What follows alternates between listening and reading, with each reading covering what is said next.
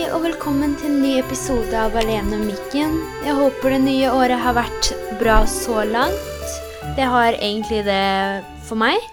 Jeg har kost meg veldig. Jeg har uh, hatt det gøy og faktisk dratt ut på byen første gang i Oslo, så det har vært veldig koselig. Hatt det veldig gøy og fått mange nye venner etter nyttårsaften. Så 2019 ser veldig bra ut så langt.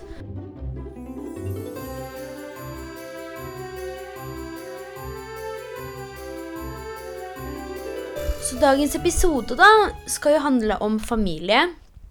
Jeg har veldig mye å fortelle rundt der. Familien min har hatt det litt tøft helt siden jeg kan huske. Eller ja, helt siden jeg var liten i hvert fall, for jeg har jo skilte foreldre. Så jeg kan jeg tenker egentlig jeg bare starter der. Jeg var jo seks år når foreldrene mine skilte seg, og det var veldig vanskelig for meg. Jeg husker det veldig godt. Eller jeg husker ikke selve skilsmissen og hele opplegget der så godt, men jeg husker tiden etter det, etter skilsmissen, ganske godt. Jeg husker at mamma var alltid veldig positiv om å på en måte At jeg skulle være så mye mulig med pappa. Så mye som mulig. Og det var sånn, hun var liksom, Selv om pappa hadde gjort mye dumt, som hadde såra mamma Hun har aldri vært den moren som på en måte er negativ mot pappa. Hun ville liksom mitt beste, da. Så hun var liksom veldig sånn på at jo, ring faren din. Prøv å møte faren din. Vær med han så mye som mulig. Og det samme var hun mot han, da. Og liksom aldri la noen begrensninger for hvor ofte og når han kunne komme og møte meg. Men det var hans eget valg å ikke møte meg så ofte. Til slutt så egentlig hadde vi veldig lite kontakt. Det var veldig sånn at det var alltid jeg som ringte først. Det var liksom alltid jeg som tok kontakt med han og prøvde å være med han. Og jeg føler liksom at når du er en far og voksen, og jeg var jo seks-syv år, så er det liksom din jobb å holde den kontakten med barnet ditt, da. Og det syns jeg er veldig vanskelig, og det tror jeg har vært på en måte prega veldig mye av voksenlivet mitt, i anførselstegn. og så hvordan jeg er mot menn, da. Man kan ofte kalle det at jeg har daddy issues. jeg vil ikke kalle det det. Fordi på en måte Jeg vil ikke Altså, jeg vil være jeg vil ikke si at noe av det jeg har i livet mitt, er pga. faren min. Jeg er sånn som skal hele tiden være mest mulig sånn Ikke ha noe fra han. Selv om jeg ligner ganske mye på han. Jeg har nesa, øra, øyenfargen og alt mulig fra han. Jeg studerer journalistikk og har lyst til å jobbe i radio akkurat som det han Eller han studerte ikke journalistikk, men han jobba i radio før. Og det er det som er drømmen nå. Så det er sånn, selv om jeg har så lyst til å bare være så mye som mulig ulik han, så er jeg allikevel ganske lik. Men ikke personlighetsmessig, heldigvis. Pappa er en sånn person som gir opp ganske fort. Og jeg tror dere har lagt merke til nå at uh, jeg gir ikke opp.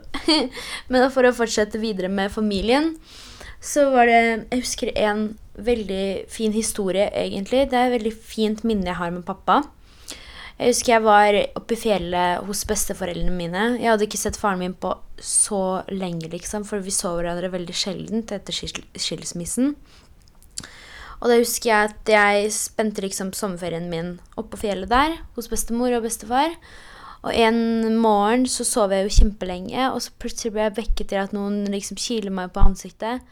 Og så våkner jeg, og der er pappa, liksom. Det er en veldig fin et fint minne jeg har av han. Jeg har så lite minner med han. Det er veldig rart, selv om han var liksom i livet mitt fram til jeg var jeg vet ikke, over åtte. da. Sånn ordentlig, ordentlig. Jeg var rundt ni-ti da jeg flytta til Norge. Tror jeg. Ja, noe sånt. Og fram til jeg flytta til Norge, så hadde vi noenlunde Altså noe kontakt. Men det var jo ikke mye de siste åra, da. Men i hvert fall den episoden der, eller det minnet der, er liksom det, er det første minnet jeg, skal, jeg, har i hodet hver gang jeg tenker på pappa. Fordi jeg bare våkna, og der sto han og bare, bare var der for meg. Og jeg var så lykkelig. Men øh, når jeg flytta til Norge, så begynte vi å få mindre og mindre kontakt. Det var veldig lite, liksom. Han fikk også et nytt barn i mellomtiden, som er nå åtte år. Så da var jeg sikkert i Norge i rundt et år når han gutten ble født, tror jeg. Noe sånt, der jeg akkurat skulle flytte til Norge. Litt usikker akkurat på når jeg flytta til Norge. Jeg husker ikke helt. Men uansett så har jeg da fått meg en uh, halvbror. Um, som jeg husker at jeg møtte når han var veldig liten. Jeg husker at jeg hadde kjøpt til han no, noen greier, barnebabygreier fra Norge, og ga det til han og sånn når jeg møtte han. Jeg tror jeg møtte han to ganger da han var baby. Etter det så hadde jeg ikke noe kontakt med han, fordi kontakt med pappa liksom på en måte eh, ble avsluttet av egentlig meg. Og så han prøvde Det var en tid han Etter veldig lang tid at vi ikke hadde noe kontakt, så prøvde han plutselig å ha kontakt med meg igjen. Og jeg følte det var så sykt rart, for han ble liksom nesten sånn ukjent person for meg. Jeg husker jeg skulle møte ham på et shoppingsenter i Polen. Og så skulle liksom vi henge sammen. Jeg hadde ikke snakka med besteforeldre på år og dager, liksom. Og virkelig år og dager. Og så plutselig var det sånn Ja, vil du ringe dem? Og sånn. Jeg bare Jo da. Og så var det bare jævlig rart. Og jeg kalte faren min for navnet til stefaren min, som er da Jarek. Jeg kalte han det hele dagen. Det er helt krise. Jeg vet det høres helt dust ut, og det er så fælt gjort. Altså, jeg gjorde ikke det med vilje, men for meg så var det så vanlig at den mannfiguren i livet mitt var stefaren min. Eh, så jeg kalte aldri stefaren min helt til nå. Altså aldri har kalt han far eller pappa eller ja. For jeg assosierer ordet pappa med noe skikkelig dårlig. Det er bare Det er veldig negativt lada ord for meg. Og det har alltid vært liksom Jeg ser for meg bare faren min når jeg sier det ordet. Så for meg bare funka det ikke å kalle stefaren min for pappa. For det ble bare rart. Og navnet til stefaren min betyr så mye for meg, for det er liksom på en måte det navnet som har tatt plassen til navnet pappa. Ikke sant? Så Nei, jeg kalte han hele tiden for Jarek når vi møttes, og det var bare veldig merkelig. Og tiden gikk. Og på en måte faren min har vært veldig sånn Han gir ikke slipp på noe. Han bærer nag til, altså til verden går under. Han gir ikke slipp. Han er ikke en person som innser sine egne feil. Han er for stolt, da. Der er vi veldig ulike. For jeg er en person som kan faktisk innrømme feil når jeg har gjort dem. Og hvis jeg har lært, så vil jeg selvfølgelig si det. Ikke sant? Og sånn er ikke han i det hele tatt. Og en gang så var han veldig sånn og skulle hele tiden bare bare gå og si masse negativt om mamma til meg. Og det syns jeg var helt forferdelig, fordi uansett, når mamma og de var fortsatt sammen, eller mamma og pappa, ikke sant uh, Uansett så har det alltid vært Jeg har alltid vært en mammajente. Uansett. Alltid vært Mamma var på førsteplass. Jeg og mamma har vært bestevenninner siden jeg var baby. Og vi forblir bestevenner til jeg dør. Til hun dør. Altså, så har hun begynt å si masse slemt om mamma og si at eh, det er hun som påvirker meg, at jeg er negativ, negativ mot han og alt det greiene der. Og der fikk jeg nok. Det var en dag. Jeg husker den dagen veldig godt. Og jeg husker jeg sa til han Eller jeg sendte ham melding før vi snakka over sånn Viber eller noe sånt det het. Eller WhatsApp. Nei, jeg tror det var Viber. Lenge siden sånn app man hadde på mobilen sin hvis man skulle liksom kontakte folk i utlandet. Og da var det sånn at jeg sendte han alle bevisene på alt han har gjort mot mamma innen skilsmissen for pappaen min. Han har gjort mye merkelige greier. Jeg vil ikke gå i detaljer på det der, for det her er egentlig litt flaut å snakke om. For hans del og min del, for jeg har ikke lyst til å bli sammenligna med noe sånt i det hele tatt. Men han har både vært utro og mye rart. Han har vært et dårlig menneske mot oss, mot meg og mamma. I hvert fall mamma. Altså spesielt mamma. Og da fikk jeg nok, så jeg tok opp alt. Mamma har jo vist meg alle bevisene. Hun har jo fortalt meg hele greia med skilsmissen og hva som endte, hvorfor det endte og alt det greiene der. Jeg var jo liten når det skjedde, så hun forklarte meg seinere, når hun følte at jeg var klar for det. Som egentlig var ganske tidlig, da. Så det er jo bra for meg. jeg var så nysgjerrig, ikke sant, og jeg har alltid vært sånn Selv om jeg var kid, så følte jeg meg ikke kid. Og jeg tror mamma forsto det, da. Men uh, i hvert fall så skrev jeg til han at uh, alt jeg visste, og at jeg orker ikke at han skal sitte der og lyve meg rett opp i trynet. Og jeg bare tok opp alle kortene på bordet, liksom. Og han svarte aldri. Så jeg har ikke hatt kontakt med han siden da. Det er derfor jeg på en måte Det er det som bare irriterer meg så jævlig når folk ikke svarer meg. Kanskje det er det som har på en måte prega livet mitt nå, da. Når han ikke svarte meg, når han på en måte forlot meg. Det har liksom satt et preg i livet mitt at det er det jeg frykter nå. Og der har vi liksom litt de der daddy-issuene, men jeg jobber veldig mye med det nå. Så jeg tror det går en, den rette veien nå. Men så nevnte jeg jo stefaren min. Mamma ble jo sammen med han eh, ikke så langt Altså ikke så lenge etter at jeg og Altså at uh, etter de to skiltes, altså mamma og faren min skiltes De blei sammen. Altså mamma, Det er en veldig romantisk historie som jeg er veldig glad i å fortelle. Siden jeg er så glad i sånne romantiske ting. Jeg syns det er veldig koselig å høre på. Så jeg skal fortelle dere. Mamma reiste til Norge. Det er egentlig takket være stefaren min bor jeg i Norge. Så alle dere som elsker meg, kan takke stefaren min for det. Nei, nei, jeg tuller. Men ellers, liksom Ok, mamma uh, reiste til Norge en sommer. Og skulle jobbe her, skulle tjene litt penger, skulle på en måte koble ut og ha det bra. Så hun reiste hit med kjæresten til bestevenninnen sin. For han kunne også reise til Norge. De var liksom, det var flere plasser til jobb, da. Så mamma reiste hit, og så dro hun på byen. Hun har jo både en fetter her og litt sånn ja, mannen til kusinen sin her, så hun kjente jo noen. Det var jo Hønefoss hun endte opp i. Det er derfor jeg endte opp uheldigvis i Hønefoss. Fordi på en måte bestemoren min pleide å reise til Norge når mamma var i min alder. De pleide å reise hit. De var en av de første polakkene i Norge som reiste til Norge for å jobbe.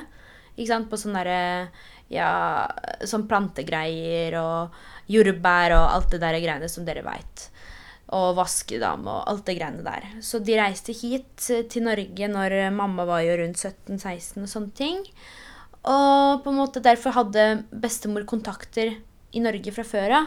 Så på en måte skaffa mamma kontakter, og da kom hun til Norge. Og det var liksom på en måte en jobb-ferie-greie. Og på byen på, en, på, et utested som heter Alfred, som ikke fins i Hønefoss lenger. Jeg skjønner ikke hvorfor, for det var visst veldig bra. Uh, der møttes, uh, møttes, de, da. Mamma og stefaren min.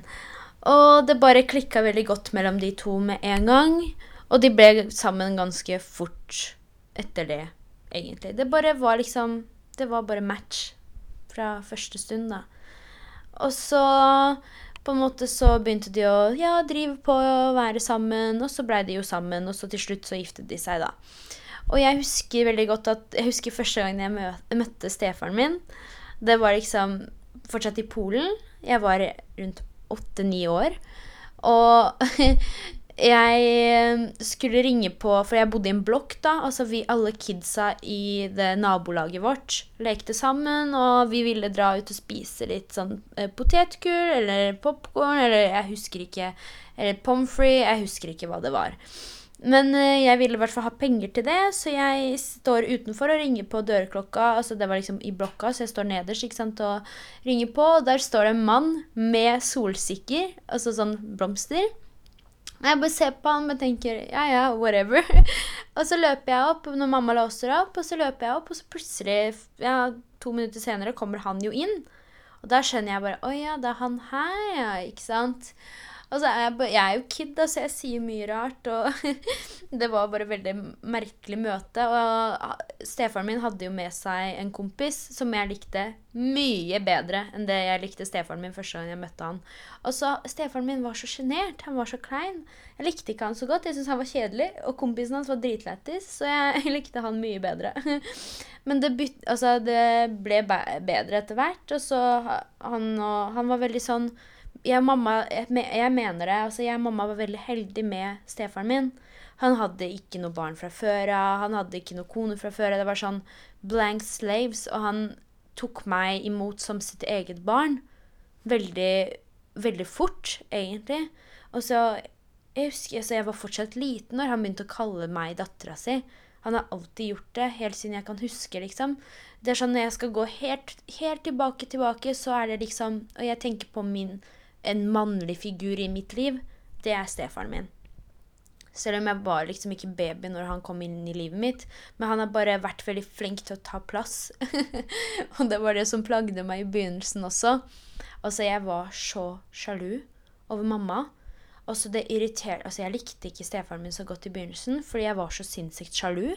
Fordi jeg var vant med at det var liksom bare meg og mamma. Alltid. Selv om faren min var der. Det var liksom, Jeg og mamma hadde et veldig sterkt bånd. Og nå plutselig kom det noen som prøvde å ta plassen min, liksom. og det var ikke greit for meg, men heldigvis så vokste jeg ut av det. Og vi blei en uh, fin familie på tre. Som på en måte var noenlunde ganske normal. og Videre så flytta jo jeg For det første var det sånn at vi tenkte sånn OK, vi flytter til Norge. Og mamma og de måtte fikse jo en del ting før jeg flyttet over hit, så jeg bodde en del hos bestemor i noen måneder, tror jeg. Som jeg husker riktig. For meg Altså, når man er liten, så virker alt mye lenger enn det det egentlig er. Så jeg er sånn som tror ting varte så mye lenger enn Ja. Så, men uansett så bodde jeg hos bestemor litt før jeg flyttet til Norge. Så flyttet vi til Norge sammen. Eller mamma og de hadde bodd der litt fra før av, men så flyttet jeg etter, da. Og da var vi en familie på tre. Og etter hvert så ville de få seg et barn. Og dette her var det Altså, du kunne ikke nevne det for meg. Jeg var så sint. Det var bare helt krise. Det gikk ikke. Jeg gråt med en gang det ble nevnt, det barnet som de ville ha. Det var bare sånn, Jeg var så sinnssykt sjalu. Jeg var så redd for at jeg ikke skulle være liksom viktig lenger. At uh, siden det her blir ekte, barnet til stefaren min, så kommer det til å bli så mye mer viktigere enn det jeg er for han. Og det bare var skikkelig ille. Men uh, etter hvert så kom jeg over det også, men uh, dessverre så skjedde ikke det. Men faren min er jo så flink, da. Han får jo seg barn overalt hvor han er, da. og jeg lovet meg selv jeg ikke skulle være ironisk og frekk når jeg snakker om pappa i, den, i denne podkasten, men det bare er noe jeg så uh, Det er noe jeg ikke har tilgitt han. For jeg føler at han har på en måte ødelagt veldig mye for meg, for den personen jeg er nå, når det kommer til ja, forhold og når det kommer til at jeg skal stole på noen og sånne ting. Fordi jeg er sånn som stoler fort, og så blir jeg skuffa, og så bare skylder jeg det på han. Men uansett så var han jo sammen med en annen kvinne når mamma og de skiltes, og de fikk jo et, et barn sammen. Max, eh, lillebroren min, eller ja, halvlillebroren halv min, som er nå åtte år. Som jeg nå nylig møtte første gang etter at han var baby. Dette her er så sykt, for jeg blir så følsom når jeg snakker om det, for det er så viktig for meg. Jeg har alltid på en måte Jeg vet ikke alltid huska, altså visst at han er ute der, ikke sant. Men jeg har aldri fått sjansen til å møte han, siden når jeg kutta kontakt med pappa, eller vi kutta kontakt med hverandre, så ble hele familien, altså hele siden til familien min, ble på en måte borte for meg. Jeg hadde ikke kontakt med kusinene mine, som jeg ble oppvokst med, som jeg har så sykt mange minner med. Jeg hadde ikke kontakt med besteforeldrene mine på pappas side, ikke gudfaren min, ingenting. Og to år siden, eller et år siden, ca. to år siden, så kontaktet eh, gudfaren min, som er broren til pappa, han kontaktet mamma. For de var veldig gode venner når mamma og pappa var sammen. Og han kontaktet mamma og sa at det er på tide at vi har kontakt, og at jeg er blitt såpass stor at jeg kan jo reise til Polen alene og møte dem, bla, bla, bla. bla. Så vi møttes jo eh, når jeg var eh, i Warszawa i fjor på 18-årsbursdagen min. Vi møttes da første gangen. Det var veldig rørende for både meg og mamma. Altså vi, var, vi, er så jævla følsomme begge to. Og mamma har jo veldig mye minner med onkelen min også. Broren til pappa, da. Så det var veldig følsomt for henne også. Det var veldig fint møte. Og så sitter vi der kanskje en time, to timer og snakker, og så plutselig ut av det blå sier han sånn Ja, jeg tror det er nesten bedre at jeg drar nå. Fordi bestefaren min sitter i parkeringsplassen og venter på han, og han tror at onkelen min er på et møte, jobbmøte, fordi han visste ikke om det var lurt å fortelle han at han skal møte meg, da. Og jeg har ikke sett bestefar siden jeg var mini-mini-barn, liksom. Og jeg bare Herregud, hva mener du, liksom? Er bestefar her? Jeg bare, han bare Ja, hvis du vil møte han, så kan vi jo det. Og jeg bare får jo helt panikk. Jeg bare Jeg har ikke sett bestefar på år og dager, liksom. Jeg vet ikke hva jeg skal gjøre og sånn. og det var så Altså, mamma bare Du, kanskje Du vet ikke når neste gang du får sjansen til å møte han. Og jeg vet at du kommer til å angre. Jeg kjenner deg, liksom, sier mamma. Og Jeg bare OK, greit, jeg kan gjøre det. Så vi måtte late som at vi plutselig møttes på Altså at vi møtte på hverandre på, det, på, det shoppingsenteret ut av det blå, og så plutselig, ja. Så vi måtte liksom late som det når vi møtte bestefar. da. Så det var sånn Vi gikk sammen opp til parkeringsplassen, og så kom jeg inn Altså, han sitter i bilen, så jeg åpner døra hans. Og så ser han bare opp på meg, og så ser jeg på han, og så blir det bare sånn helt stille. Og Jeg bare merker han ikke vet hvem jeg er. Og så sier jeg ja, hei. Jeg vet ikke om du husker meg, men jeg er Julia. Barnebarnet ditt. Det var så jævlig. Og så, og så bare reiste han seg sånn sykt sakte opp uten å ta blikket vekk fra meg. Og bare Herregud. Og, sånn, og sist gang jeg så deg, så var du så liten, og så bare tar han altså, hånda si og peker sånn sykt langt ned, for jeg var jo så liten. Og jeg bare selvfølgelig Altså, jeg prøvde virkelig å holde meg og ikke grine. Jeg prøvde virkelig, men jeg klarte ikke. Så jeg bare begynner å hylgrine, og han holder jo meg, og Det var veldig hyggelig møte, og jeg angrer ikke på altså, at jeg møtte han. Og det var veldig fint. Og etter det så har vi jo på en måte holdt kontakten på et eller annet vis. Det er ikke veldig mye, men jeg og kusinene mine har fått kontakten tilbake. Vi har hverandre på Facebook, Instagram. Og jeg fikk en veldig fin melding på 18-årsbursdagen min av hun ene. At hun vil at vi skal ha tilbake kontakten som den var før. At hun vil, håper alt er bra med meg. At hun vil på en måte At vi skal møtes mer. Så nå som jeg var i Polen de siste gangene, så har jeg, møte, eh, så har jeg liksom dratt på en liten uh, date da med kusinene mine. Og den første gangen jeg var der, så var jeg der med venninnen min, Siri. Og det var i fjor i fjor mars eller noe. Eh, så dro vi dit, da, og så idet vi sitter på kafé med kusinene mine, så sier de sånn ut av det blå igjen bare sånn Ja, har du lyst til å møte bestefar og bestemor etter så lang tid? Og bestemor har jeg jo ikke sett på altså, helt siden jeg var så liten som bestefar pekte da jeg møtte han i fjor, da. Så jeg bare Herregud, er du sikker, liksom? Og så sier de bare ja, fordi bestefar har fått eh, kreft. Og så sier de at det er kanskje lurt å på en måte møte han før han kan muligens dø, da. Og da sier jeg selvfølgelig ja, jeg vil gjøre det. Jeg var jo dritstressa, men det var veldig hyggelig. Så dro vi og møtte, møtte, dem. Det var veldig koselig og sånne ting, men det er bare så rart for meg å tenke at jeg møter besteforeldrene mine, onkelen min, tanta mi, kusinene mine og til og med broren min nå, som jeg kommer tilbake til, men jeg møter ikke pappa. Og han veit jo at jeg møter dem. Han veit de har kontakt med meg. Og jeg bare klarer ikke å slutte å lure på at, hvordan han klarer å bare la dem møte meg og ikke være nysgjerrig på sin egen datter. På en måte. Jeg vet ikke. Men det er bare sånn Noen ganger så kommer jeg tilbake til det og tenker på det. Det er sånn Jeg tenker veldig, veldig sjeldent på pappa. Virkelig. Han, har jeg, han er ute av livet mitt. Men det kommer noen dager hvor jeg tenker sånn Hm, det hadde vært fint å ha han i livet sitt òg. Og det er sånn noen dager hvor mamma spør meg sånn du, Kommer du til å invitere ham på bryllupet ditt? Er det han som skal liksom følge deg til alteret? Eller ja, hva gjør du hvis han plutselig er død, da? Om jeg kommer til å angre? Om jeg sånne ting. Mamma har lyst til at jeg ikke skal ha noe jeg angrer på. Men uh, det er sånne spørsmål jeg ikke klarer å svare på nå, men slik jeg ser på situasjonen min nå, så har ikke jeg lyst til å se han i det hele tatt i det hele tatt har ikke lyst til å ha noe kontakt med han. Ingenting med han å gjøre.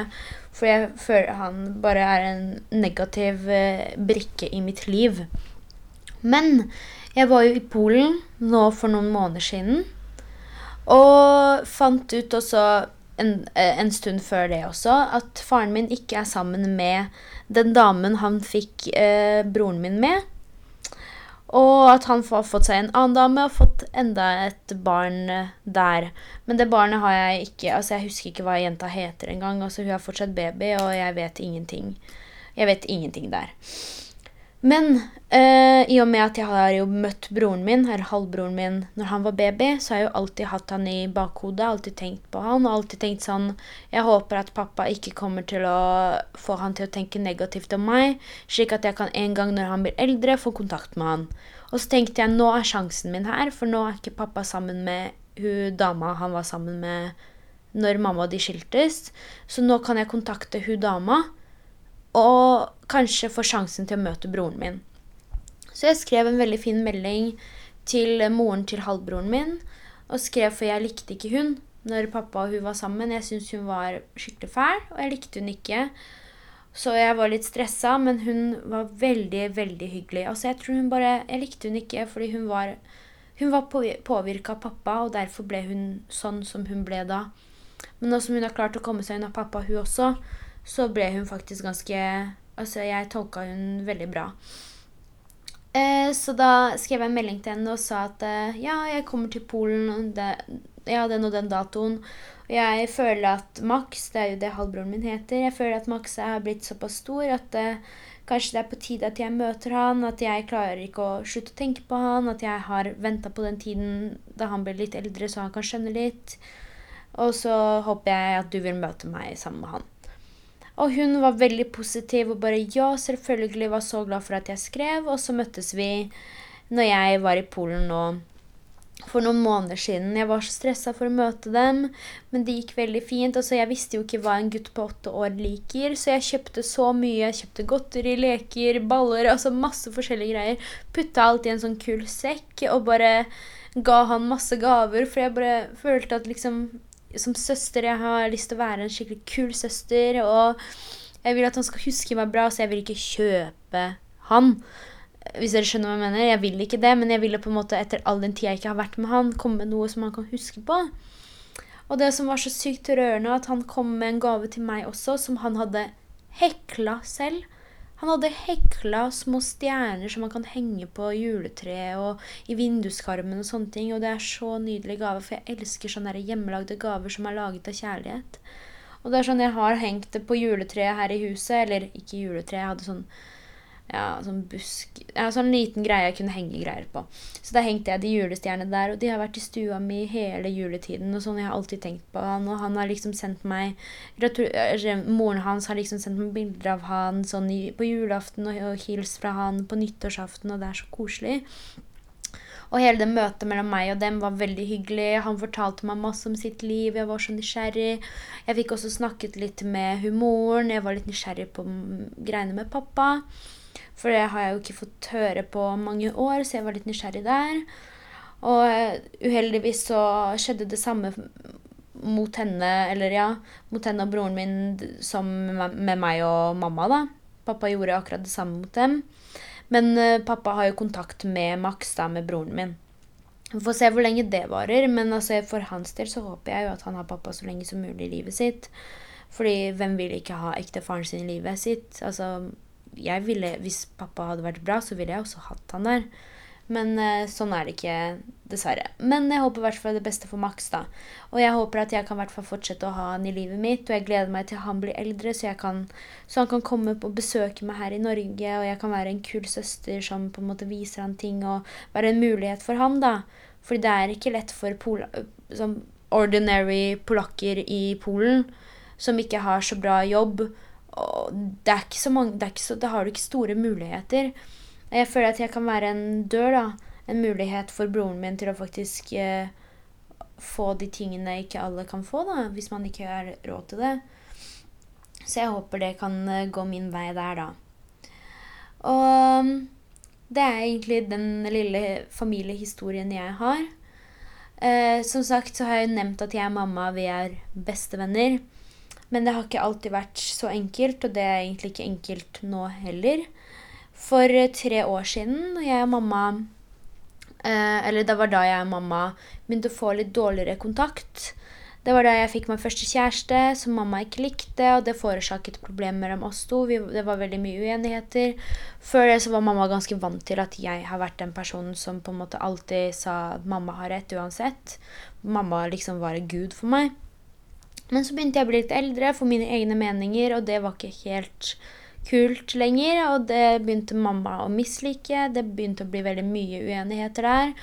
Så jeg og mamma i løpet av de siste tre årene fram til så å si nå har hatt en veldig bumpy ride, om jeg kan kalle det Altså, det har vært ekstreme kranglinger. Det har vært altså Jeg pakker ut og flytter til venninnen min for en natt, liksom. Og det har vært så mye greier. Vi, altså, vi har ikke, det var en 17. mai vi ikke feira, for mamma flytta ut. Altså, vi har hatt ekstreme krangler.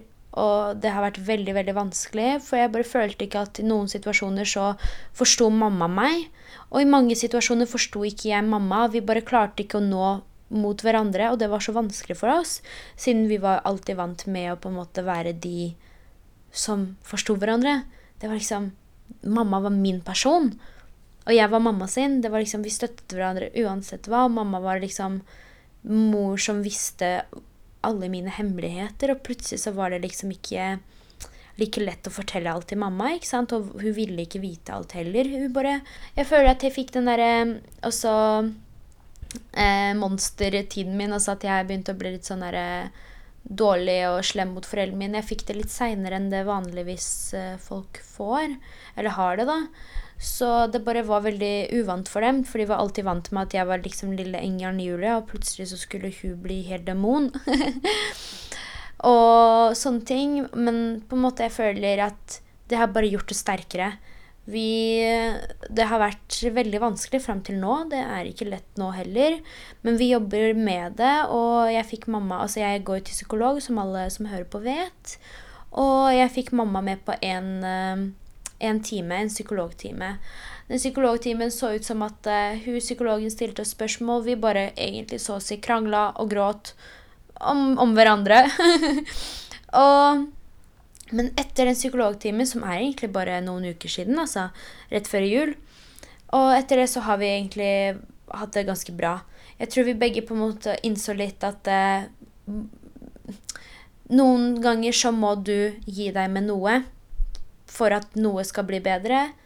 Og noen ganger må den andre personen gi seg med noe også.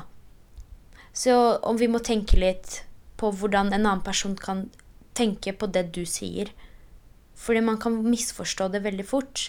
Og det kan lage store problemer og store krangler og såre noen uten at det var meninga. Så jeg tror vi begge har på en måte skjønt såpass. Og det virker som at ting begynner å bli ganske bra. Jeg føler det på meg at 2019 blir liksom et skikkelig bra år. Jeg merker allerede nå at uh, måneden så langt har gått veldig bra for meg. Både innenfor venner og, og innenfor familie, og i hvert fall mamma. Ting har vært veldig bra mellom oss to, og jeg er veldig takknemlig for det. Fordi mamma er, og vil alltid være, den viktigste personen i livet mitt. altså. Uansett, vi har hatt våre krangler, vi har hatt våre måneder hvor vi ikke snakka med hverandre i det hele tatt. Fordi ting var faktisk så ille som det er. Det er sånn jeg ikke gidder å gå inn på engang, fordi det er liksom ganske private ting. Noe må, ha, noe må jeg ha privat for dere. Men det er ikke bare det. Det er bare at jeg vil ikke se tilbake på det nå, for nå føler jeg at ting har på en måte snudd, og at ting er så veldig mye bedre. At jeg vil heller fokusere på det og fortelle dere hvor sykt bra jeg faktisk har det nå. Fått meg nye venner, familie går bra. Det er liksom det kjærlighetslivet som henger litt igjen, da. Men som jeg lovet meg selv i 2019, at altså, jeg skal ikke presse noe som ikke er klar, klart ennå. Er, er, noe klart, så kommer det. Og hvis ikke, så har jeg i hvert fall veldig mange gode mennesker rundt meg som jeg faktisk i dag altså verdsetter sykt. I dag så innså jeg det skikkelig. Altså, det var en greie her i leiligheten som skjedde. Altså, jeg Jeg trodde jeg ble kasta ut av leiligheten. og det var krise, for jeg har allerede blitt kasta ut fra før av. Altså, jeg fikk mail, alle sammen, vi som bor her, fikk mail av huseieren om at uh, dere har to, det her er så ille, det er så uryddig her, det er så rot, det er så krise her, er at uh, dere må flytte ut innen to dager. Og jeg bare hva mener du, liksom? Jeg fikk jo helt panikk. Dere, altså, dere veit jo at jeg overtenker sånn sykt mye. Så tenk på hvor Altså, jeg fant ut når jeg kom hjem i går klokka ett Jeg fant ut av han jeg bor med. Jeg bare, han sier til meg 'Har du fått lest mailen?' Og jeg bare 'Nei'. Så det var helt sjukt. Så jeg visste ikke hva jeg skulle gjøre da. Og så da ringer jeg jo hun ene venninnen jeg har her. Og kjæresten hennes hjelper meg med masse greier. De gir meg masse tips som jeg liksom planlegger å gjøre i dag da når jeg våkner i dag. Så det fikk jeg gjort, og så, fikk, og så sendte jeg jo snap til de nærmeste venninnene mine også, eller vennene mine, om uh, at jeg blir muligens kasta ut. At jeg må flytte på lørdag morgen klokka tolv, for det her blir jo spilt inn på fredag. Eller natt til lørdag. Jeg spiller alltid inn på natta, jeg vet ikke hvorfor. Men jeg bare føler at jeg har veldig klart hode, det er stille og rolig, og da får jeg tenke og lage en bra podkast. Men uansett, da. Så jeg bare har hele fredagen på å bare fikse alt. Jeg vet ikke hva jeg skal gjøre, så jeg ringer politiet, og så jeg fikser hele greia. Og jeg får så mye støtte, og jeg får så mye hjelp. Hun ene venninnen til og med kommer hit for å være min mentale støtte her. Selv om hun og kjæresten hennes ses ikke en hel uke, han kommer bare i helgen. Og hun kom for det, for å være der for meg. Både mamma og Shermina, selvfølgelig min beste venninne, ringer og spør om alt går bra. Og sånn, og typen til Shermina, Markus, da, han er, bare sier at han er stolt av meg, at jeg turte å ringe til politiet. Og jeg bare innså skikkelig at herregud, så sykt mange mennesker jeg har rundt meg som er her for meg. Jeg er ikke alene i det hele tatt. Det var skikkelig godt å tenke sånn og se hvor sykt mange mennesker som faktisk bryr seg om meg. Fordi når jeg starta 2018, så eller i løpet av 2018 så trodde jeg ikke at det var så mange der for meg. Og nå innså jeg at det fins faktisk Jeg har gode, ekte venner her ved min side. Det var godt å, å få bekrefta, da. Men uansett så endte det med at jeg misforsto. Eller jeg misforsto ikke. Han huseieren eh, glemte å sende meg melding, og dette gjelder ikke meg. Og det burde jeg egentlig skjønt, for altså, jeg er den personen her i huset som eh, har det eneste rommet som er ryddig og fint og lukter godt, og gangen min er alltid ryddig, badet mitt er ryddig, og jeg prøver å holde styr her. Jeg har jo sagt ifra til huseieren flere ganger at det er mye rot i huset og sånne ting, så på en måte skulle jeg egentlig skjønt at hvorfor skulle han kasta meg ut? Jeg er den eneste her som faktisk har lyst til å ha det ryddig. Ikke den eneste, men den som bryr seg mest om det, kanskje. Så det gikk fint. Jeg skal ikke flytte ut. Eller jeg ble ikke kasta ut. For det hadde vært faktisk krise. For jeg vet ikke, jeg, altså jeg vet ikke hvor jeg hadde flytta ennå. Det hadde vært skikkelig stress. Men jeg ordna jo det med politiet, da, så vi fikk eh, to ukers oppsigelsestid istedenfor eh, to dager. Eller et halvt, en og et halvt døgn, liksom. Så jeg fikk ordna det, da. Men eh, heldigvis så slipper jeg ha de to ukene med stress og Nei, fy søren, det hadde jeg ikke klart. Jeg har jo masse skole å gjøre nå også, for skolen har jo starta. Og jeg Første halvåret gikk ikke så bra. Altså, jeg besto alle eksamene så vidt. Den ene. Men resten besto jeg. Og jeg, jeg besto alle, men så vidt den ene. Og jeg vil få til dette halvåret her mye mer enn det jeg fikk til forrige. Så lenge, altså, jeg tenker sånn så lenge jeg består. Men i år så, eller det halvåret her har jeg lyst til å bestå ordentlig bra og være fornøyd med min egen innsats. Men uh, jeg har hørt at første halvåret til, til, studenter er vanligvis ganske sånn ja, litt uklart. Du lærer litt hvordan dette systemet funker og alt det der, så jeg tror det blir bedre etter hvert. Men nå tror jeg at jeg har skravla jævla mye. uh, så jeg tror det er på tide å avslutte episoden. Jeg håper dere syns dette var litt morsomt, og kanskje noen av dere kjenner seg igjen med å ha litt sånn familieproblemer. Men altså, jeg tenker sånn Bare vær positiv. Altså, Jeg kunne sitte her og bare tenkt hele tiden på hvorfor var det akkurat jeg som fikk den dårlige faren? Hvorfor endte jeg opp med å ikke ha en far? Og sånne ting. Men jeg, man må tenke positivt. Altså, hvis ikke faren min hadde vært så dritt som han var, hadde jeg aldri fått Jarek i livet mitt. Og Jarek har vært en veldig god farsrolle for min del. Jeg er veldig, veldig heldig der. Så man finner alltid noe positivt i negative situasjoner. Det må dere tenke. Det prøver jeg å tenke, selv om det ikke alltid funker like greit hver gang. Neste episode er faktisk noe sykt spennende. Jeg syns det er kjempegøy å snakke om det. Og jeg skjønner ikke hvorfor jeg ikke har snakka om det her før. For det, vært, altså det jeg skal snakke om, har vært en veldig stor del av tre år av mitt liv, liksom. Jeg skal nevne første forelskelsen min, fortelle alt rundt det, fortelle alt i detaljer, alt jeg har lært ut ifra det, og hvordan det endte, hva det Altså hvor mye Hvor mye det på en måte eh, hadde Hvor mye innflytelse det hadde på livet mitt på ungdomsskolen, altså. Og utover det også. Og det tror jeg blir veldig spennende. Altså, det, det, kommer til å ta en hel episode, første forelskelsen min. Altså. Så jeg håper dere syns dette blir spennende. Håper dere likte episoden her, fordi jeg prøvde å være ganske personlig. Og litt emosjonell må jeg være, da, for det er jo Familie er viktig for meg, og det tror jeg alle kjenner seg igjen. De fleste, i hvert fall. Så Selvfølgelig måtte jeg bli litt rørt i, i denne episoden også. Men det bare viser at jeg bryr meg, og jeg håper dere liker podkastene. Jeg ser at det er flere og flere som hører på hver episode. Jeg håper det blir bare flere og flere av dere i løpet av året. For dette her er året vårt, ikke sant? 2019. Vi skal rocke 2019, dere. Ok, men da snakkes vi neste søndag.